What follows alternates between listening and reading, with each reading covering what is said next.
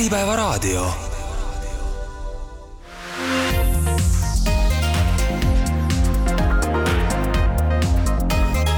Trinity eetris.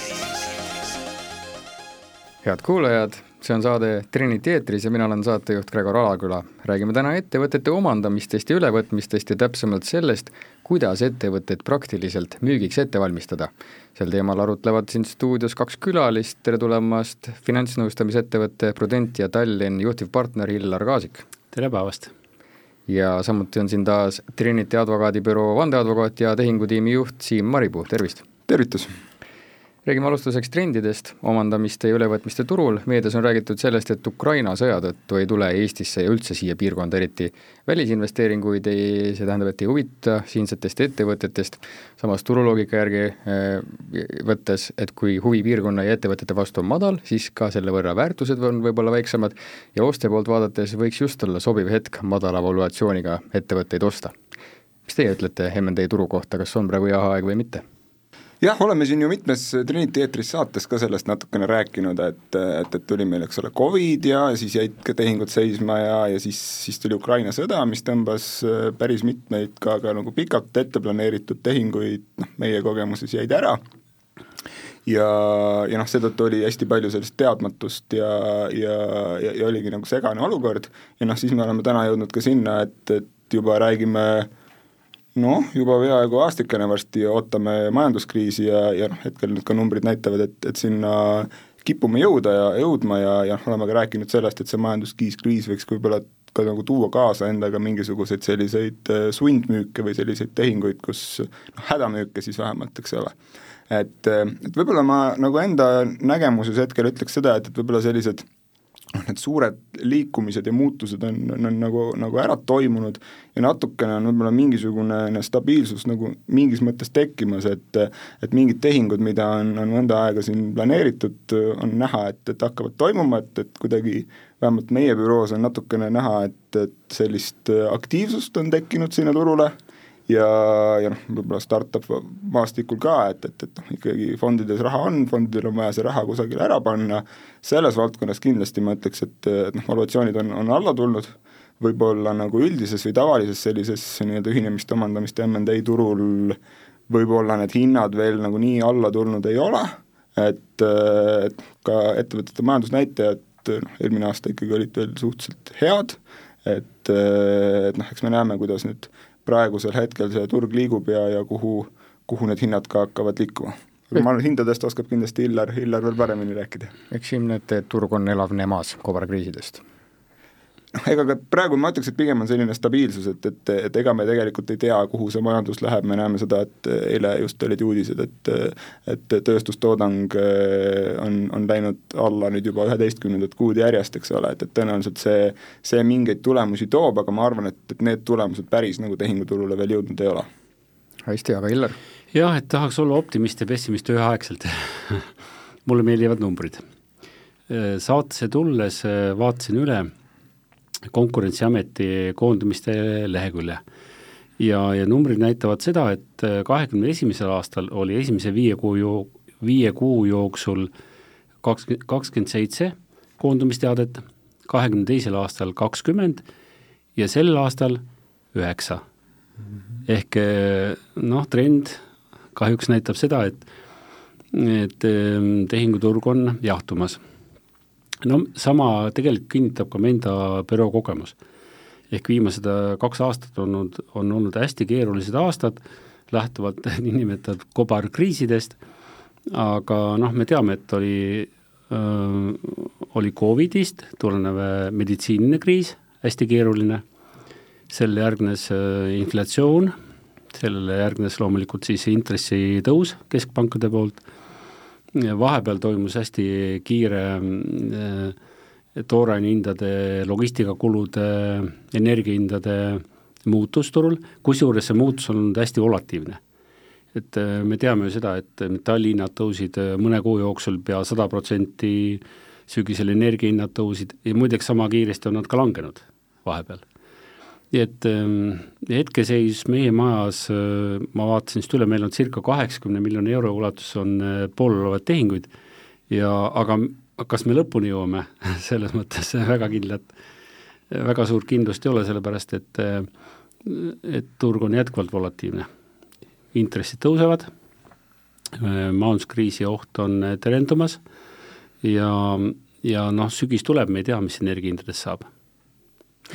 Mm -hmm. Need on kõik sellised globaalsed ja suured muutused, et teie omalt poolt ei saa kuidagi välisinvesteeringuid rohkem mõjutada tulema siia piirkonda? või mis te ütleks investoritele argumentideks, et ikkagi siia investeerida ja vaadata meie ettevõtete poole? no eks, eks see, kui me, see Ukraina nagu sõda algas ja oli nagu hästi selgelt just sellise nagu Baltikumi, Ida-Euroopa osas, et, et kui sa Ameerikast kaardi peale vaatad või veel hullem gloobuse peale vaatad, siis tundub, et noh, see on, on siinsamas ju, eks ole. Ja, ja aga noh, ma arvan, et see esimene ehmatus investorite poolt noh, sõjaga mõttes on nagu läbi, ma ise pigem arvan, ja noh, eks paljud on ka aru saanud, et, et noh, et, et see on, mingis mõttes on ka natukene võib-olla selliseks tavapärasemaks muutunud inimeste vaates, on ju. et, et see, mis, mis toimub, suur üllatus on nagu möödas, aga, aga noh, kindlasti see, just see majanduskriisi teema ja ja need teemad kindlasti jätkuvalt üle maailma seda tehinguturgu mõjutavad. jah, ma, ma natuke võib-olla räägin nüüd juttu vastuvoolu. Ehk äh, Ukraina kriis, mis on äh, hästi suur mm, noh, hästi halb sündmus loomulikult Äh, pikas vaates võib-olla muudab meie regiooni hoopis kindlamaks. sest me teame seda, et NATO on muutnud oma kaitseplaane, Soome on liitunud tänaseks reaalselt NATO-ga, Rootsi on seda tegemas, NATO kaitseplaanides ei räägita seda, et Eesti tuleb tagasi võita kuue kuu jooksul, vaid räägitakse sellest, et NATO hakkab sõdima koheselt võimaliku konflikti tekkides nii et selles vaates pigem meie olukord on muutunud paremaks. ja, ja ma loodan ja arvan ka seda, et, et see esimene šokk ja hirm, mis, mis välisinvestori vaates mm, Eesti suhtes on olnud, et see on mööda minemas. ja et me mõningate tehingute baasil näeme ka seda, et et Saksa või, või Skandinaav, mõned Skandinaavia investorid tulevad turule tagasi. Tegelikult ei räägi sellest üldse, et et meil on, me oleme Venemaa piiri ääres pigem nad, kui on mures, siis nad on mures inflatsiooni pärast, nad on mures äh, energiahindade pärast, nad on mures äh, sisendite volatiilsuse pärast, ehk need on suuremad hirmud kui, kui noh, jah, võimalik sõjaoht kindlasti üks, üks asi, mis Eestisse investeerimist ka ikkagi kahjuks mõjutab, on, on see, on see tööjõukulu ja inflatsioon, ehk, ehk Eestis ikkagi on näha, et, et, et meie, meie enam ei ole lihtsalt odava tööstuse maa, eks ole, aga noh, teistpidi see samas tähendab seda, et, et sellist nii-öelda IT-tööstust ja seda ikkagi meile meile tuleb, noh pigem siis juba sellised nii-öelda tarkvaraarendusettevõtteid ja noh, pigem, et me olemegi natukene ka sellises muutuses selles, selles valdkonnas tõenäoliselt enne veel, kui läheme täpsemaks, räägikski sellest, mis on popp ja mis mitte, tehingumaailm on salajane, pigem räägitakse alati neist tagantjärele toimunud tehingutest, saate äkki avada, mis ettevõtted praegu on popid, Illar, mainisite, kaheksakümne miljoni väärtuses tehinguid pooleli, mille vastu on huvi? jaekaubandus, hulgikaubandus, tehnoloogiaettevõtted, energeetika, mm, toiduainetööstus, ka sel aastal suurim tehing oli Maagi tehing Akaskani ülevõtmine. Ehk Eesti kodumaine kapital võttis turgu tagasi, väga hea uudis tubli ettevõte mm. -hmm. no riskantsemad sektorid on eh, need sektorid, mis, mis eh, kannatavad nüüd raha hinnatõusu taustal, ehk näiteks ärikinnisvara, no loomulikult eh, näiteks ärikinnisvara. kui ettevõtete jaoks on intressitõus olnud kahe kuni kolmekordne ja seda ühe aasta jooksul see on muutnud äh, kardinaalset olukorda teatud majandussektorites. Siim, lisada, mis jah, ega, ega ei olegi väga lisada, et, et kindlasti sarnased sektorid äh, ka ise siin oleme, oleme tegutsenud, startup IT jätkuvalt väga aktiivne, energeetika kindlasti, et et et noh, siin on ka selliseid pikaajalisi või, või, või nagu noh, nii-öelda muudest asjaoludest kui majandus, majandus, majandusest tulenevad tehingud, noh näiteks see hiljutine Tallinna soojuse tehing, eks ole, mida, mida, mida me Trinitis ka nõustusime, et, et noh, mis, mis võib-olla ei ole niivõrd nagu majanduse liikumisega seotud, vaid ongi pigem seotud mingite muude lepingute kestvuse liikumisega ja, ja energeetika, jah. Ettevõtte müümiseks võib olla mitu põhjust, kas see, et läheb liiga hästi või vastupidi, just see, et läheb liiga halvasti või siis on lihtsalt teatepulga üleandmise aeg põlvkonnavahetuseks ka hetkel üsna aktuaalne, oleme siin saates varem rääkinud. et mitmed üheksakümnendatel asutatud ettevõtete juhid hakkavad siis teatepulka andma järgmisele põlvkonnale, on praegu näha ka sellist põlvkonnavahetuse lainet? No ma arvan jah, et see, see üsna stabiilselt toimub, et, et tegelikult me näeme ju, et, et see, see nii-öelda võitjate põlvkond või, või kes üheksakümnendate alguses alustasid, on, on paljudes, on, on tegelikult ju kõikides sektorites ja ja peavad, peavad varem või hiljem midagi mõtlema, eks siin neid tehinguid juba toimub ja on juba toimunud päris palju, et, et noh, me räägime, võime siin rääkida põllumajandusest, tööstusest, sarnastest peaaegu kõikides majandussektorites, et ma arvan, et, et see toimub, toimub edasi ja ma olen Siimuga nõus, et see on täiesti loomulik äh, protsess, et et ettevõttes, kus omanike ringis ei ole peres äh, ülevõtjaid, äh, mis on ka normaalne, sellepärast et, et, et võib-olla mõned noh, meie pereliikmel on, on head anded, on kunsti või, või kirjanduse valdkonnas, aga ta ei taha olla ettevõtja. ja, ja pereisa või pereema, pereema ei saa jõuga muuta oma noh, lapsi ettevõteteks ja see on normaalne, et selles olukorras ettevõte müüakse turul. ja, ja on, samas on Eestis ka hästi tubli pereettevõtete liit, kes noh, reklaamib ja, ja propageerib ja arendab edasi pereettevõtete tra traditsioone. nii et majandus on tervikuna on hästi heas orgaan-, orgaanilises kasvus ja, ja Eesti majanduse mõttes kindlasti tehnoloogiasektor on hästi suur ja tugev selline tugisammas meie tuleviku vaates.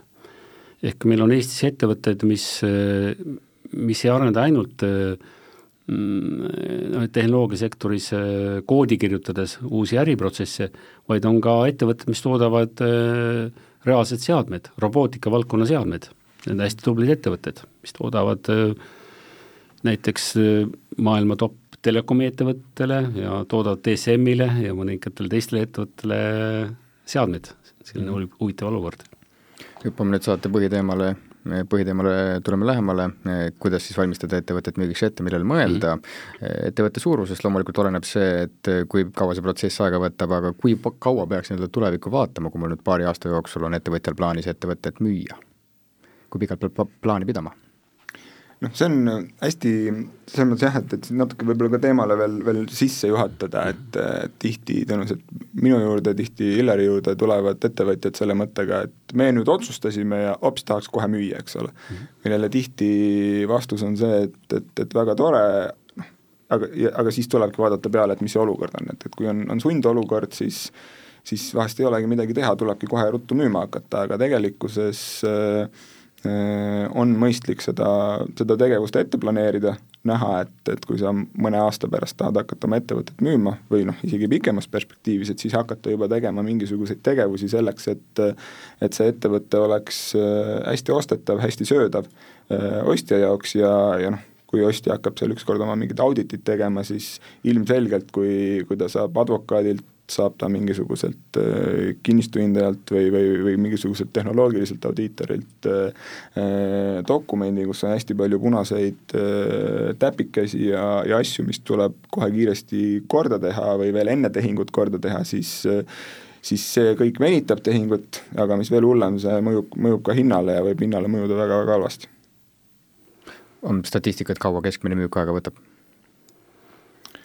Oma kogemusest oskan, oskan siin pigem öelda, et, et, et kui, kui ikkagi noh, kui me räägime sellest, et juba, juba hakatakse nagu ostjat otsima, siis noh, tavaliselt on see selline noh, ma ise ütleks, et aastane protseduur, et noh, mini-, miinimum, absoluutne miinimum on pool aastat, aga noh, see pigem tähendab seda, et, et juba on mingid, mingid pildid ees. et, et aga, aga tavaliselt on see ikkagi veel pikem ja noh, kui sinna ette panna see ettevalmistusaeg, siis noh, tegelikult see ettevalmistusaeg võiks olla, ma ise näen, et, et vähemalt selline aasta, ideaalis kaks või isegi rohkem, sõltub, mis ettevõte on jah, ma olen nõus Siimu arvamusega ja tegelikult ma isegi, olles nüüd konservatiivne, ütleks seda, et ettevõtte müügiprotsess võib olla isegi üks majandustsükkel. sest ideaalis, no kujuta ette, me oleme ettevõtte omanikud, me oleme mm, näiteks kakskümmend, kolmkümmend aastat panustanud oma ettevõtte arendamisse ja, ja siis tahame sellest väljuda. ja me satume valesse majandustsüklisse, satume majanduskriisi näiteks, majanduskriisi perioodi ja tahame seal oma ettevõttest väljuda, loomulikult ei ole see kõige parem hetk. kõige parem hetk on siis, kui ettevõtte majandustulemused on optimaalse lähedal ja ja turul on hästi soodne olukord, soodne konjunktuur. no lihtsustatult öeldes, et ideaalses olukorras võiks mõelda niimoodi, et et ma hakkan mõtlema, hakkan otsima seda ideaalset hetke, kus mu ettevõte toodab parimal viisil kasumit ja kus majandustsükkel on, majandus, majanduskonjunktuur on optimaalne või hästi soodne. ehk siit ka saate esimene soovitus, võiks salvestada turuolukorda. Jah, võiks üritada prognoosida, et tagantjärgi vaates on seda alati lihtne teha ja kindlasti kahekümne esimene aasta oli, oli hästi hea periood, kakskümmend, kakskümmend üks oli ideaal, ideaalne periood, kus raha hind oli noh, null, eks ole, võime öelda, ettevõtte majandustulemus oli tead, majanduskeskkond oli, oli optimistlik ja sel perioodil oli, oli ka siis turul hästi palju tehinguid. no nüüd me oleme olukorras, kus keskkond on halvenenud Covidi tõttu ja, ja kiire inflatsiooni tõttu,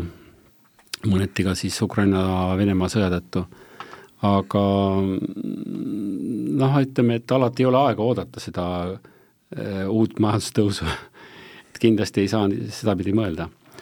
Siim, olen Siimu kindlasti nõus selles mõttes, et hea oleks alustada vähemalt aasta varem. Et üks aasta või natuke peale on see optimaalne tsükkel. Lähme siit mööda seda standardset rada mööda edasi, oletame, et sundmüügi olukorda ei ole, aasta aega on aega ette valmistuda, mis see standardprotseduur on, mis siis peale soovi, mis, mis järgmiseks tuleb? Ettevõtjal, mille, millele peab mõtlema? Noh, ma võin alustada näiteks sellest, et, et tõenäoliselt neid teemasid on siin hästi palju, tahakski, tahakski neid läbi käia, et alustada sellest, et kui ettevõttel on äh, palju osanikke, siis tuleks äh, selles mõttes selles osas pilt ette saada, et, et, et mis see plaan siis on, et kes tahavad väljuda, kes ei taha väljuda, mis selles osas plaan on, et kui, kui kõigil osanikel on soov väljuda, siis tõenäoliselt oleks mõistlik sinna teha näiteks mingisugune kokkuleppe peale et leppidagi kokku, et, et meie näiteks noh, hakkamegi koos müüma seda osalust, leppida kokku, kes on, kes on need, kes siis juhid, juhivad seda müügiprotsessi näiteks, kes on need, kes juhivad äh, ettevõtet selle protsessi ajal edasi, kuidas see omavaheline usaldus tagatakse ja noh, kuni siis sinnani välja, et, et noh, on võimalik ka seada mingeid tingimusi, et näiteks me müüme siis, kui me saame hinna X sellest või, või kui keegi osanikest jääb alles sinna ettevõttesse, noh siis tuleb läbi mõelda see, et, et kuidas tema huvisid äh, kaitstakse, kas äh, et noh, kuidas tema üksi sinna alles saab jätta või siis see, et, et, et kas tal on võib-olla üldse huvi tegelikult, et ei olegi noh, vajadust tegelikult minna väljapoole pakkuma, vaid see tehing võib hoopis seespool ära toimuda, et et ehk et, ehk et tavapäraselt meil põhikirjaliselt on olemas, eks ole, ka ostu eesõigus ja, ja, ja noh, siis ongi küsimus, et, et kas, et see, et kas keegi plaanib või kavatseb või mõtleb ostu eesõiguse kasutamisele, tegelikult on mõistlik selgeks teha tegelikult suhteliselt varases faasis, mitte jõuda selleni siis, kui juba on on müügilepingud sõlmitud ja siis kuskilt tagantreast keegi ärkab, et oot-oot-oot, aga et seda tehingut ei saagi toimuda. eks saate teine soovitus ja esimene samm, osanikevahelised suhted ja kavatsused selgeks rääkida mm. -hmm. Mainisite, Siim, seda, et eh, tuleb selgeks teha see, et kuhu kellele jääb eh, selle müügiprotsessi ajal see juhtimine, sellest on ka varasemas ühes saates juttu olnud, et müügiperiood, perioodil ei jäägi tihti ettevõtte juhil selleks igapäevaseks juhtimiseks enam aega, et kui palju see probleeme valmistab? see on jah, võib, võib juhtuda niimoodi, et, et kõik eh, tehakse müügiotsus ja kõik hakkavad suure hooga ja ja rõõmu ja entusiasmiga tegelema müügiga, et, et või siis ettevõtte kordategemisega ja, ja teeme nüüd kõik korda ja müüme kõvasti ja teenime sellest kõvasti-kõvasti raha, on ju aga kui, kui samal ajal turundusele ja nii-öelda ettevõtte müügitulemuste saavutamisele noh, tegevusi ei tehta või mis tihti ka juhtub, on see, et, et investeeringute tegemine jäetakse näiteks pooleli sellel hetkel, kui, kui hakatakse müüma, et, et noh, mulle alati meeldib meeldib igale kliendile öelda seda, et, et mitte ükski tehing ei ole enne tehtud, kui kui tegelikult isegi mitte sellest ei piisa, et, et leping on allkirjastatud, vaid mitte ükski tehing ei ole enne tehtud, kui kui raha on kontol ja osalused on üle antud, ehk, ehk tegelikkuses kogu selle protsessi vältel peaks olema igal hetkel valmis selleks, et seda tehingut tegelikult ei toimu ja, ja peaks olema valmis selleks, et tuleb ise ikkagi selle ettevõttega edasi majandada, kuni siis võib-olla järgmise ostuhuvilise leidmiseni või, või, või, või noh, teadmata pikkuses, sest noh, majandustsükkel võib üllatada, ostjakandidaat võib üllatada, igasuguseid üllatusi võib siin ette tulla, ehk et et kindlasti jah, see, see mõte nagu läbi mõelda, et kuidas selle ettevõtte hindamine või it, kuidas selle ettevõtte juhtimine selle selle müügiprotsessi käigus toimub ja kuidas tagada see, et, et, et kui me selle protsessiga ükskord mäele jõuame, siis tegelikult ikkagi on midagi müüa üldse ehk äh, osanikevahelised suhted, kavatsused ja juhtimismudelid on paigas, millal tehingunõustaja mängu tuleb, juba enne seda? tehingunõustaja võiks tulla mängu võimalikult varajases faasis. et noh, kui jätame selle majandustsükli teema kõrvale, see on siis hästi idealistlik olukord, siis äh, noh, võiksime mõelda sellele, et, et, et milline on ka sellise noh, tehingu eesmärk. Eh, kui näiteks seda olukorda hinnata korraks ettevõtte väärtuse hindamise kontekstis, siis ettevõtte väärtuse hindamist võib teha ju mitmel erineval eesmärgil, võib teha seda näiteks olukorras, kus peres toimub lahutus, on vaja varasid jagada, on vaja teha selleks, et kapitali kaasata, on vaja teha selleks, et ettevõtte müüa või osta või näiteks teostada liitumistehing, ühinemistehing. lähtuvalt sellest eesmärgist eh, on siis, äh, on ettevõtte väärtuse hindamisel äh, oma väärtus olemas. et ma äh, kordaks ka selle üle, mida Siim rääkis, mis, mis on hästi tähtis, et kui tegemist on ühe omaniku ettevõttega ja see üks omanik on ettevõtet juhtinud, siis ta peab mõtlema selle peale, et, et kui ta ettevõtet müüb, siis selleks, et saada võimalikult hea väärtus, ta peab andma mm, juhtimise üle. ja hea, kui müügihetkel oleks olemas ettevõttes juba sõltumatu juhtkond ehk see hõlbustab kindlasti müügiprotsessi. mida varem nõustaja juurde tullakse, ehk mul on näiteks endal praegu selline kogemus, kus ühe ettevõtte poole pöördus äh, Rootsi investor ja ta ütles, et ta soovib ettevõtet omandada. et müüja on sellises äh, siimu vanuses, ta ei soovi äritegevusest veel väljuda, ta on hästi aktiivne. Ja, ja seal me arutame praegu sellises varases faasis äh, seda, et millises formaadis võiks koostöö jätkuda. Ehk eh, tõenäoliselt ta võiks jätkuda ühisettevõtte formaadis, kus siis noh, mina nõustan, olen soovitanud talle tehingustruktuuris anda ka kontroll üle ehm, ja, ja teha kokkulepe, et väljub ettevõttest viie kuni seitsme aasta pärast, antud konkreetses olukorras. ja, ja soo-, olen andnud ka soovituse eh, peale seda, kui on äriplaanis ja ja ettevõtte tegevuskavas kokku lepitud, minna koheselt Trinity büroosse ja sõlmida seal korralik, hästi korralik kvaliteetne osanike leping või aktsionäri leping, mis tagab selle, et väike osanik äh, kaitseb oma, oma huvid siis jät-, jätkuva koostöö noh, aja jooksul. Ja miks ma viitkümmend ühte protsenti äh, konkreetsel juhul äh, soovitan, sellepärast et ülevõte on noh, on see Rootsi suur ettevõte, kes tahab alati koostöö alustamisel saada kontrolli aga väikeosaniku jaoks on vaja tema äririskid ära maandada ja seda Trinity oskab kindlasti teha hästi mm -hmm. professionaalselt. ehk juhtimine üleminekuperioodil, mis veel valukohad võivad olla selle üleminekuperioodi müügitehingu protsessi ajal? No siin mm -hmm. üks asi kindlasti on, on selline üldine kodukorda projekt, ehk, ehk üks asi, millele tasub mõelda ja mis meil ka nendes tehingutes on, on päris palju ette tulnud, on see, et et noh, meil Eestis, kui sul on selline pikaajalise tegevusega ettevõte, mida tihti sa juhid ka noh, natukene noh, ta on ikkagi selle omaniku küljes, kus, kus äh, omanikud vahest äh, teevad sinna mingeid investeeringuid, mis ei ole vahest tihti üldse mitte põhitegevusega seotud, et on mingi hea võimalus, on vaja mingit sõpra aidata, tehakse mingi investeering mingisse ettevõttesse, noh näiteks vaba raha on, või, või siis äh, igasugused sellised muud äh, ettevõtlusega mitte seotud varad mis, mis on sinna ettevõttesse tekkinud, noh ma ei tea, on, on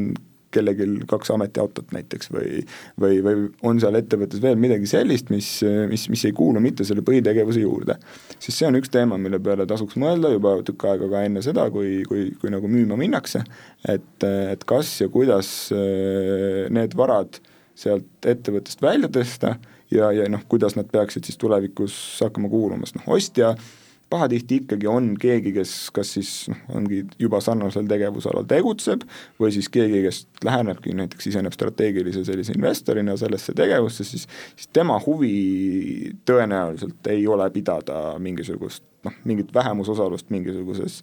endise omaniku sõbra ettevõttes näiteks või või, või, või ka sellel samal osanikul, osanikel endal on, on tihti huvi jätta mingisugune osa sellest ettevõttest endale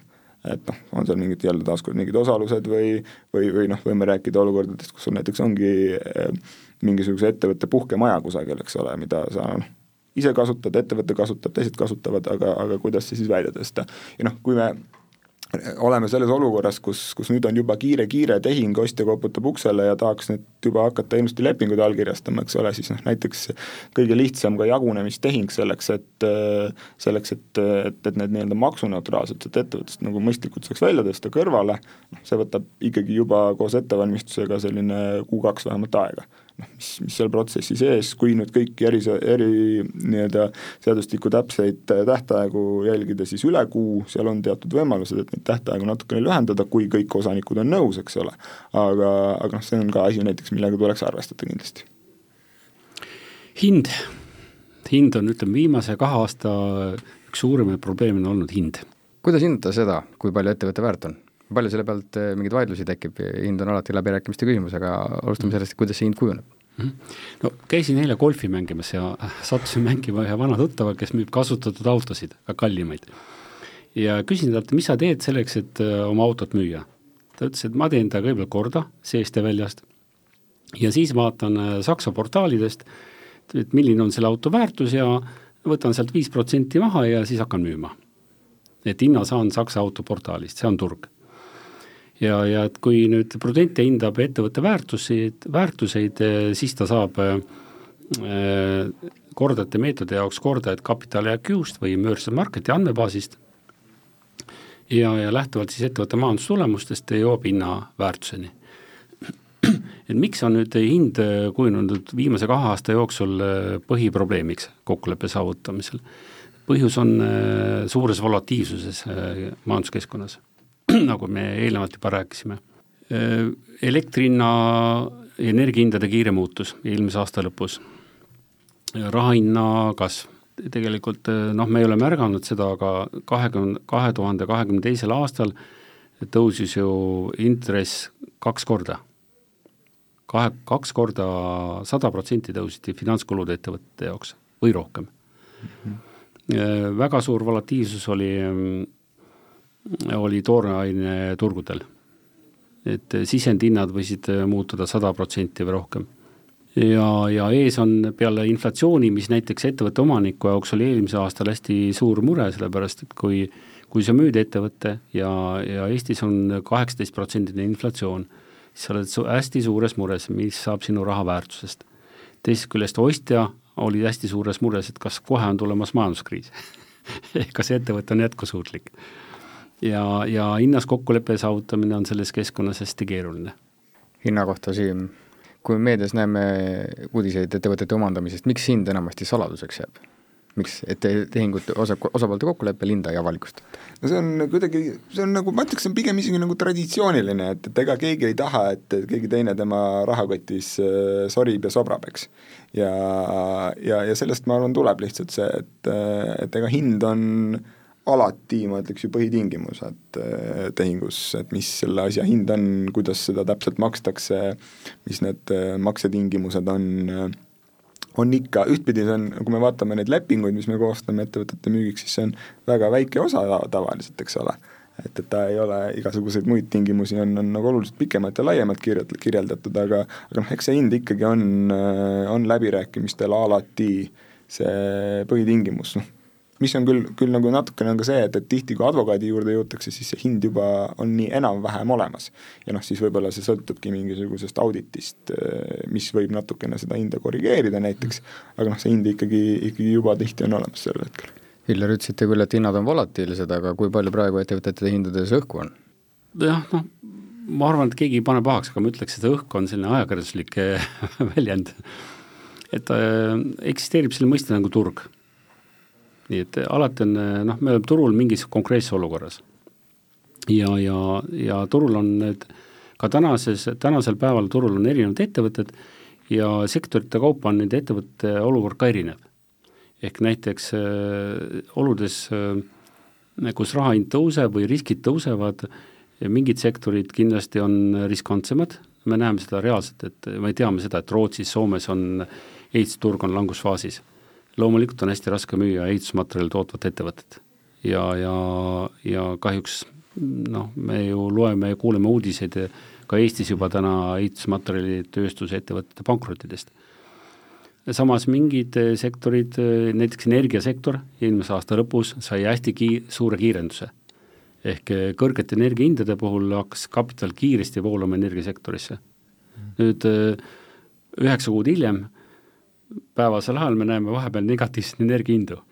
Ehk see on see näide jällegi suurest volatiivsusest ja, ja sellest, et äh, olukorrad, noh, me peame arvestama sellega, et olukorrad muutuvad kiiresti ja me peame olema paindlikud äh, selles olukorras. Äh, ma olin, üleeile olin ühe arutelu juures, kus,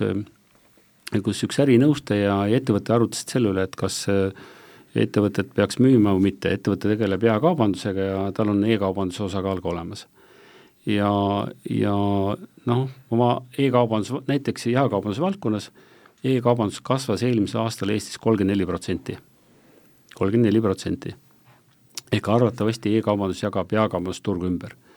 ja kui nüüd ettevõte ei suuda selle trendiga kaasa minna, siis ta kaotab turgu reaalselt. ja omanik peaks mõtlema, et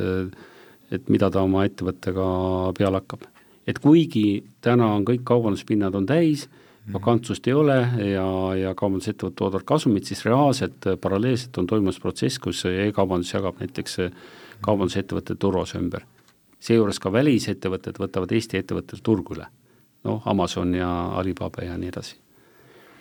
järjekordne soovitus ettevõtete ostes analüüsiga turutrende. hüppan siit eh, selle teema juurde tagasi, millest eelmises saatepooles juttu oli, ehk siis kui tuua see auto näide, et eh, enne tuleb auto korda teha, kui seda müüma hakata, siis mis on need vanad teemad, mis tuleb ära lahendada või, või millised on need eh, mõistlikud auditid või teatud valdkondades ka kohustuslikud auditid, mis tuleb teha? siin on jah, kaks, kaks eraldi teemat, et, et võib-olla ma võtaks selle auditite teema nagu, nagu isegi enne, et et tihti tihti ka nende ettevõtete müügiprotsessides äh, ongi niimoodi, et ostja on nagu juba olemas, eks, ja ja siis äh, ühel päeval tuleb ostjalt tohutu pikk ja hästi detailne auditite nimekiri, et noh, sõltuvalt ettevõttest tehakse, eks ole, õiguslik audit, kus vaadatakse kõik lepingud, töösuhted, igasugused andmekaitse teemad, regulatiivsed igasuguste lubade, tegevuslubade asjade olemasolu, noh kõik selline vaadatakse nagu üle, lisaks sõltuvalt ettevõttest võib sinna lisanduda veel keskkonnaaudit, võib sinna lisanduda mingi tehnoloogiline audit, mingisugune, kui on mingi kinnisvaraobjekt näiteks ettevõtte sisuks, siis noh, selle kinnisvaraobjekti selline tehniline audit, et kaua see kestab, kuidas kõik tehnoseadmed töötavad, kõik need asjad, ehk et ehk et oleme olukorras, kus, kus nagu esimene kokkulepe on, on, on tehtud põhiting-, tehingu põhitingimuste osas näiteks, ja siis sajab äh, ettevõtte juhi omaniku postkasti ostja poolelt selline korralik mitu küsimustikku erinevate auditite osas, mis võivad olla ka noh, kuni kümned lehekülge pikad, eks ole. ja noh, mis siis tavaliselt juhtub, ettevõtte juht võtab selle dokumendi, saadab selle raamatupidajale edasi noh, tavaliselt on ettevõtetes raamatupidaja see, kes neid dokumente hakkab kinni panema või hakkab neid nagu kokku panema ja ja noh, siis kui ettevõttes on veel selline kärtsum raamatupidaja, mida vahest ikka juhtub, siis tõenäoliselt võib juhtuda, et see ettevõtte juht saab ka pikki pead, sellepärast et raamatupidajal on tõenäoliselt varsti tulemas iga-aastane audit ja ja siis on tal äh, mingisugused muud asjad, mida ta peab kogu aeg tegema ja siis on vaja maksudeklaratsioonid teha ja igapäevane töö on vaja teha ja siis nüüd on järsku tulnud mingisugune noh, selles mõttes, et, et reaalselt küsitakse viimase kolme aasta noh, väga olulist osa ühingu dokumentidest, et neid kõiki läbi vaadata, lepinguid, kõike muud. et, et seda riska, riski vähendada ja, ja noh, siinjuures tuleb veel arvestada ka sellega, et, et et sõltuvalt ettevõttest see materjali kokkupanemine võib tegelikult võtta aega noh, kuid minu kogemuses et, et, et seda vähendada, tasub seda teha varem ja, ja nende kuude jooksul võib tegelikult ka majandustsükkel jälle muutuda, võib ostjal huvi ära kaotada, mida iganes võib juhtuda, ehk et see, tegelikult see auditite planeerimine on üks asi, mida, mida tasub selles müügiprotsessis juba teha varasemas faasis ja sellel on mitu väga, mitu nagu olulist asja, üks asi on see, et et esiteks sa saad omal ise need dokumendid korda ja, ja, ja, ja enam ei võta see nii kaua aega, sest noh, see on ka see küsimus, et kui sa ostja poolelt äh, ostja advokaadina, nõustajana näiteks noh, ootadki seal seda materjali ja see materjal tilgub nagu ühe dokumendi kaupa iga päev, siis ega selle ettevõtte sellisest ähm, haldussuutlikkusest nagu väga hea mulje ei jää. ja, ja noh, ja siis lisaks võib ka huvi ära kaduda tõesti, aga teine asi on see, et, et see on tegelikult ka väga hea võimalus ja koht, kus, kus veel ise asju korda teha, et, et ikka näeme seda, et et ettevõtte juht ütleb seda, et jaa, et meil on kõik hästi, kõik mat-, kõik dokumendid on dokumendihaldussüsteemis ja me saame siin paari päevaga teile ligipääsu teha ja, ja kõik on, on sellega korras, aga noh, siis saabub reaalsus, et, et ega need dokumendid ikka tavaliselt päris nii olemas ei ole ja, ja, ja noh, mida me ka pakume, on see, et tegelikult müüjal tihti, kui, kui sa tõesti ei ole päris, päris selline noh, nii-öelda väiksem ettevõte, kus kõik dokumendid käivadki tegevjuhi laualt läbi ja tegevjuht ise on ka veel tohutult pedantne, kes tõesti vaatab nad kõik läbi ja on kõigest nagu hästi teadlik, on ka selliseid ettevõtteid muidugi, aga, aga noh, ikka juhtub, et kusagil on midagi tegemata, ehk me ise tihti nõustame ka ostjaid, eks ole, teeme ostjate huvides selliseid auditeid, kus me tõesti need asjad kõik läbi vaatame, et siis me oleme ka paljudes olukordades teinud eelnevalt juba enne müüki müüja huvides sellise auditi, me saame seda teha natukene lihtsamalt, saame teha sõbralikumalt, saame aidata kohe need asjad korda teha, aga aga noh, ka meil viimastel aegadel näiteks hea näide on, on igasugune regulatsioon, me räägime isikuandmete kaitsest, kas kodulehel on seotud kõik privaatsustingimused, kui me räägime näiteks IT-tehnoloogia startup valdkonnast, siis on seal hästi suur küsimus, on alati intellektuaalse omandi õigused, et kas näiteks töötajate töölepingutes on piisaval määral kirjas see, et kõik, mis nad tööl teevad, et kõik see lõpuks jääb ühingu omandisse või või noh, kuni tõesti isikuandmed, et, et, et kaamerate kasutamine on korrektne, kui me räägime äriõigusest, siis et, et kõik vajalikud otsused, noh, ma ei tea, näiteks varasemad kasumi jaotamise otsused on ilusti dokumenteeritud, et et noh, see on, on ühtpidi,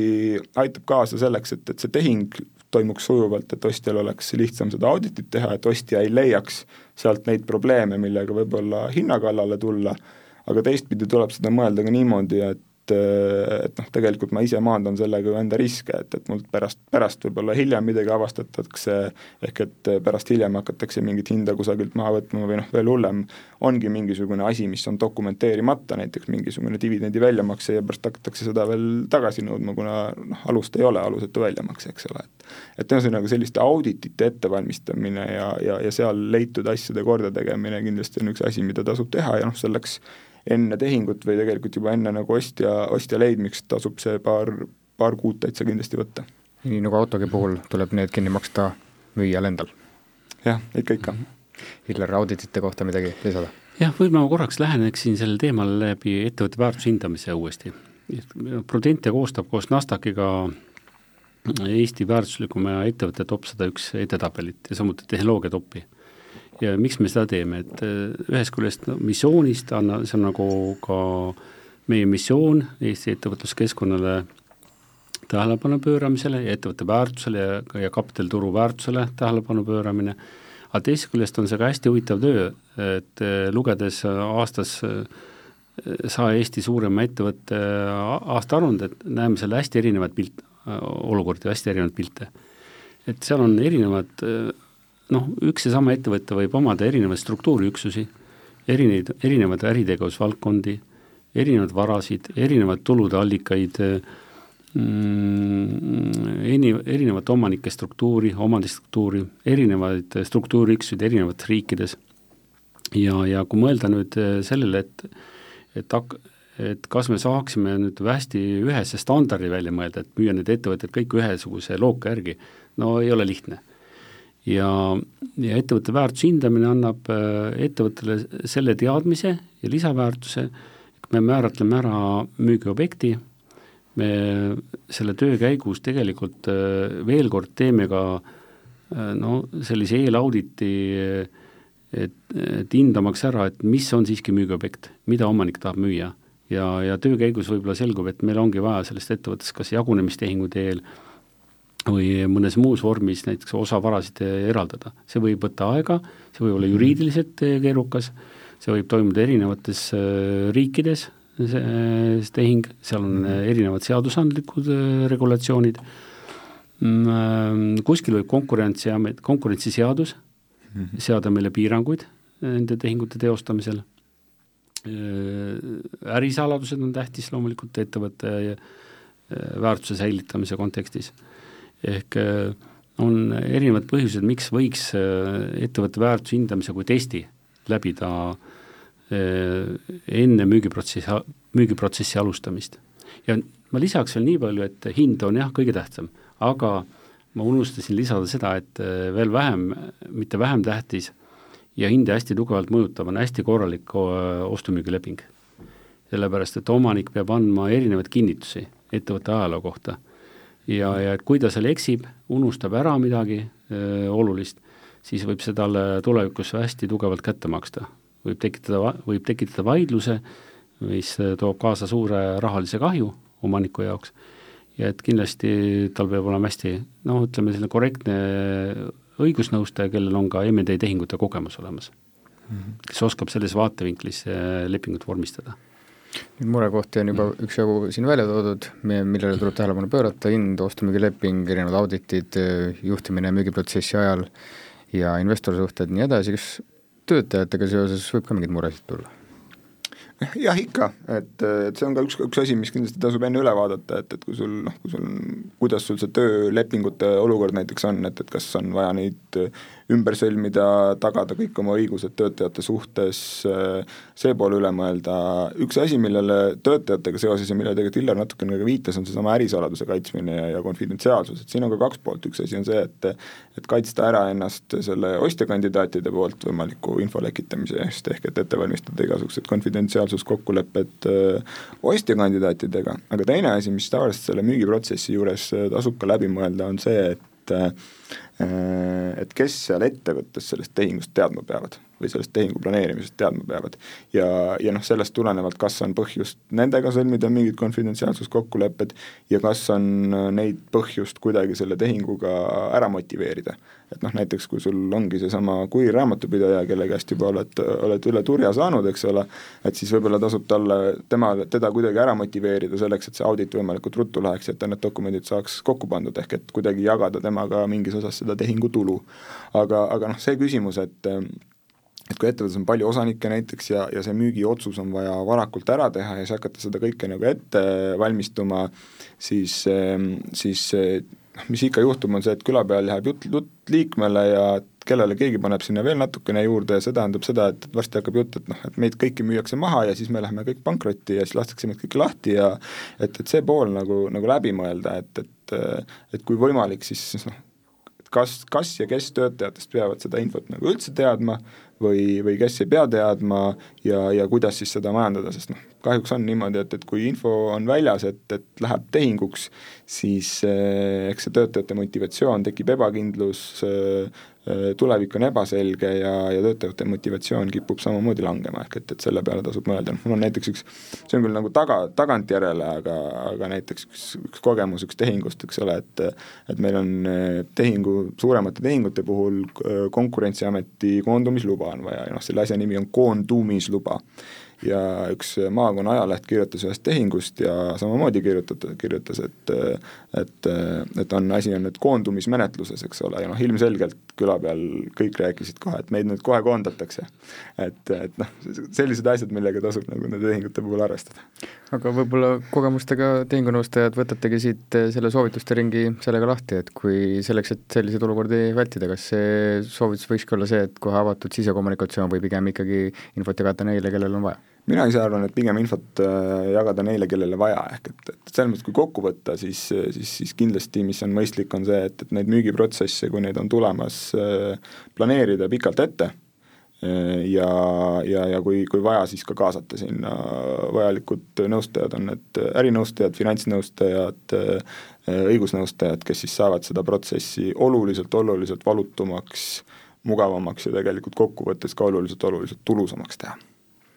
planeerida pikalt ette ja kaasata nõustajad, Illar, teilt mõni selline kokkuvõttev soovitus, et paremini siis ettevõtte müügiprotsess kulgeks? Mhm. jah, noh, võib-olla kordaks veel kord selle üle, et millest Siim on siin ka palju rääkinud, ettevõtte müügiprotsess võtab juhtkonnalt ja, ja võtmeisikutelt, võtab ajaressurssi ja koormab neid. ja selleks, et, et, et seda koormust hajutada, on mõistlik protsessi ka varem peale hakata erinevate riskide kontekstis noh, peale lisatöö, mis tuleb raamatupidajale või, või teistele võtmeisikutele ettevõttes, on ka puhkused, inimesed jäävad haigeks vahepeal, on olemas mingid hirmud, mis tekivad äh, lisatöödega, neid on vaja, loomulikult on motivatsiooni küsimus, mis äh, alati tuleb päevakorrale. Ja, ja pigem võiks varem alustada, teha noh, kas või ettevõtte väärtuse hindamine, teha eelaudit ettevõttele, hästi hea mõte, läbi mõelda, milline on äh, ettevõtte eesmärk äritegevust väljumisel, mida ta tahab saavutada. Ja noh, tänases majandusolukorras ja alati võiks, võiks hakata mõtlema ka sellele, et, et kui oled oma põhiärist väljumas, et kuidas siis äh, oma, oma elu planeerid peale mm, noh, peale seda, kui sa oled kolmkümmend aastat näiteks äh, samas ettevõttes tööd teinud, et, et kuidas sa peale seda jätkad, kuidas sa lood oma investeerimisportfelli, mida sa teed oma vaba ajaga, äh, millised on võib-olla isegi peresuhted sellepärast et sa läksid ju iga hommikul kell üheksa tööle, tulid kell viis tagasi, võib-olla oli selline olukord, aga nüüd sa ei lähe enam hommikul tööle ehk mõelda ka sellistele lihtsatele elulistele küsimustele. mida teha, kui on palju aega ja vaba raha? jah. mis teie soovitus on no mm, investeerimisportfelli mõttes äh, lähtuda varasemast kogemusest eeskätt, talupojamõistus, et tee seda, mida sa oskad, otsida seal lahendusi.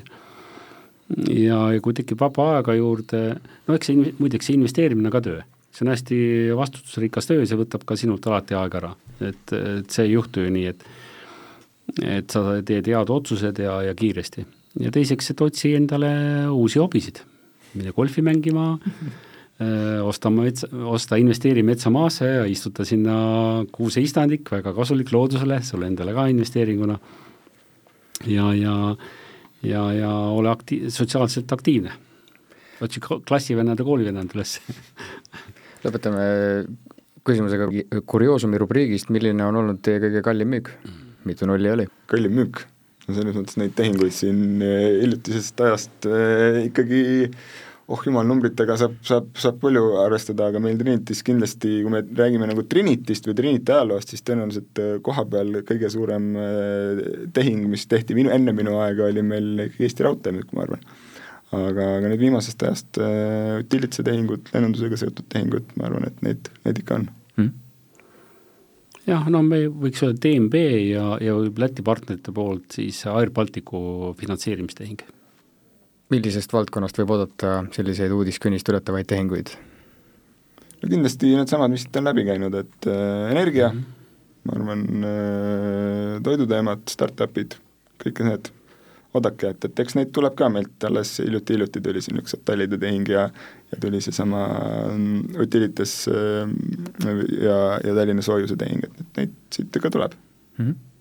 see oli saade Trinity eetris, rääkisime tehinguturust ja sellest, eh, kuidas ettevõtet müügiks ette valmistada. külas olid finantsnõustamisettevõtte Prudentia Tallinn juhtivpartner Illar Kaasik ja Trinity advokaadibüroo partner ja tehingutiimi juht Siim Maripuu, mina olen saatejuht Gregor Alaküla, aitäh!